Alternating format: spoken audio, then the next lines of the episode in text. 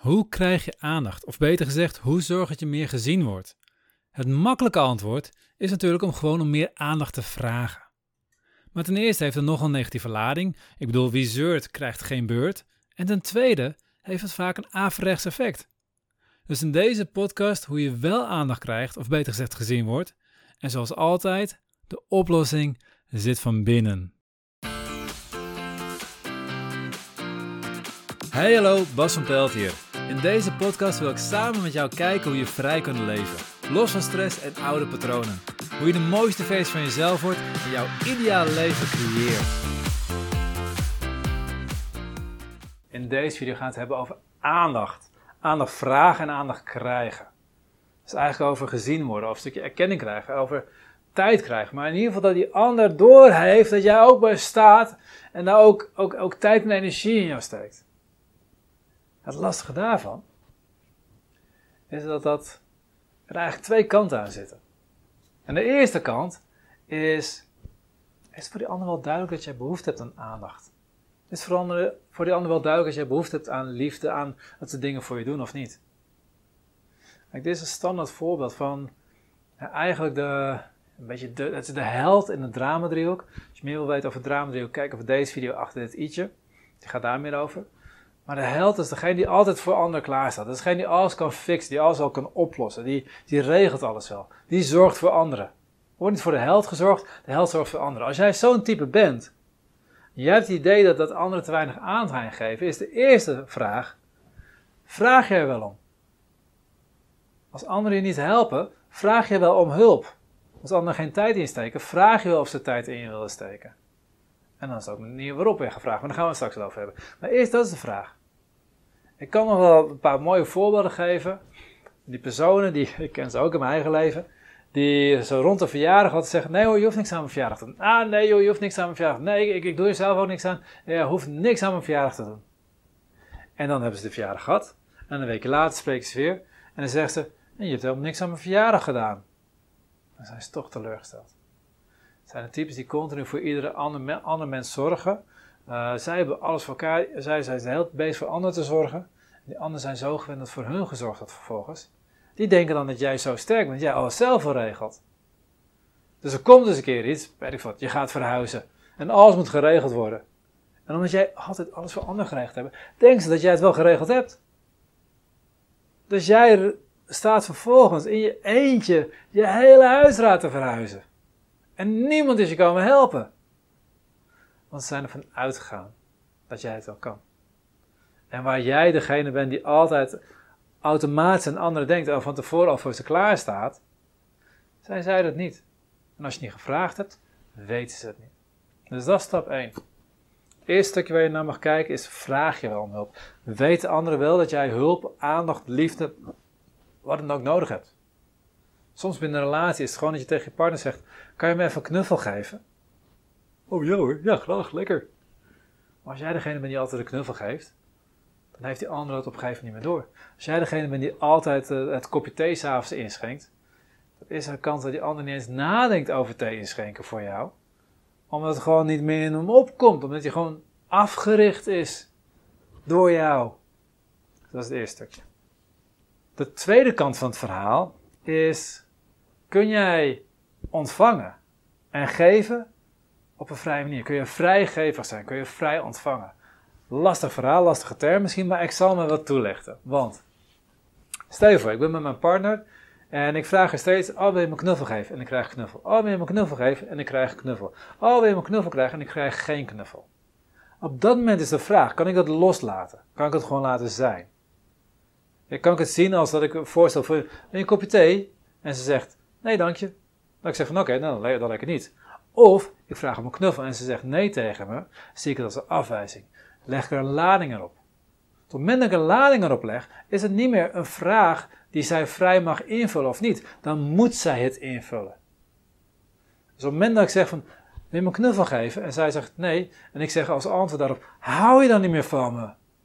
Gaat nog wel goed met onze relatie? Oh, wat... Uh, uh, ik krijg zo'n reactie dan is het voor haar niet meer vrij om die knuffel te geven. elke keer als ik haar een knuffel geef, zal ze die druk voelen. Zoals die druk ervaren, wordt het steeds moeilijker voor haar om vanuit zichzelf die knuffel te gaan geven.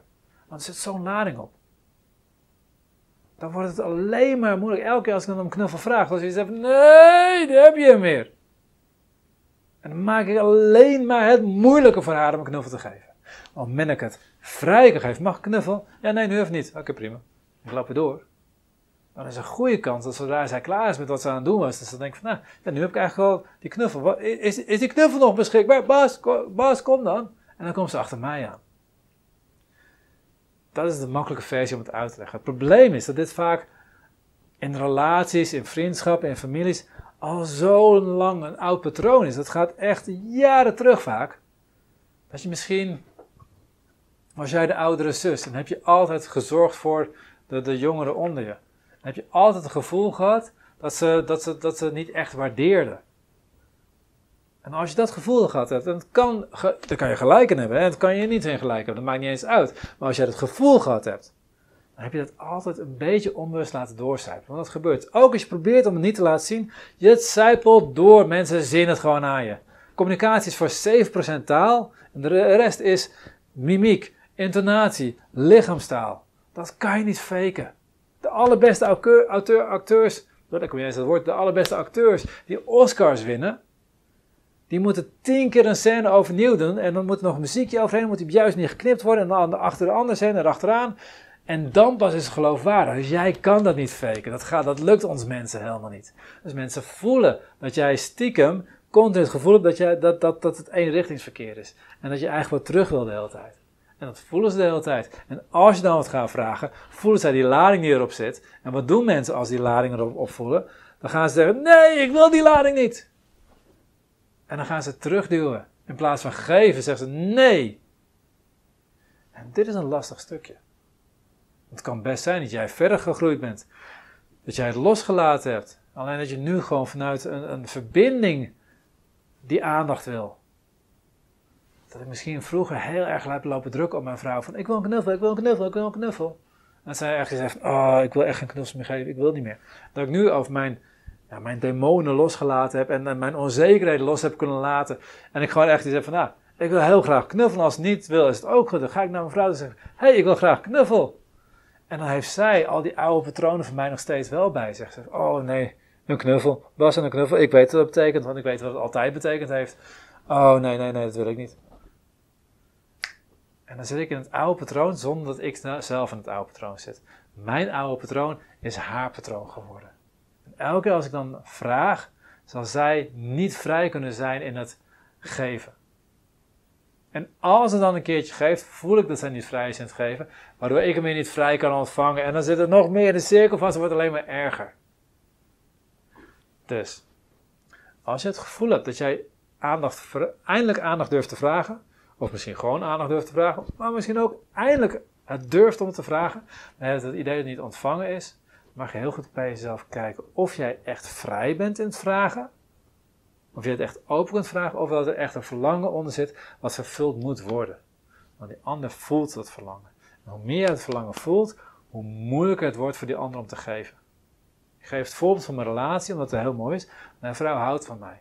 Ik weet dat ze volledig voor me gaat. Ik weet dat ze echt het idee heeft dat we samen met z'n tweeën heel oud en heel gelukkig blijven. Nou, heel oud worden en heel gelukkig blijven.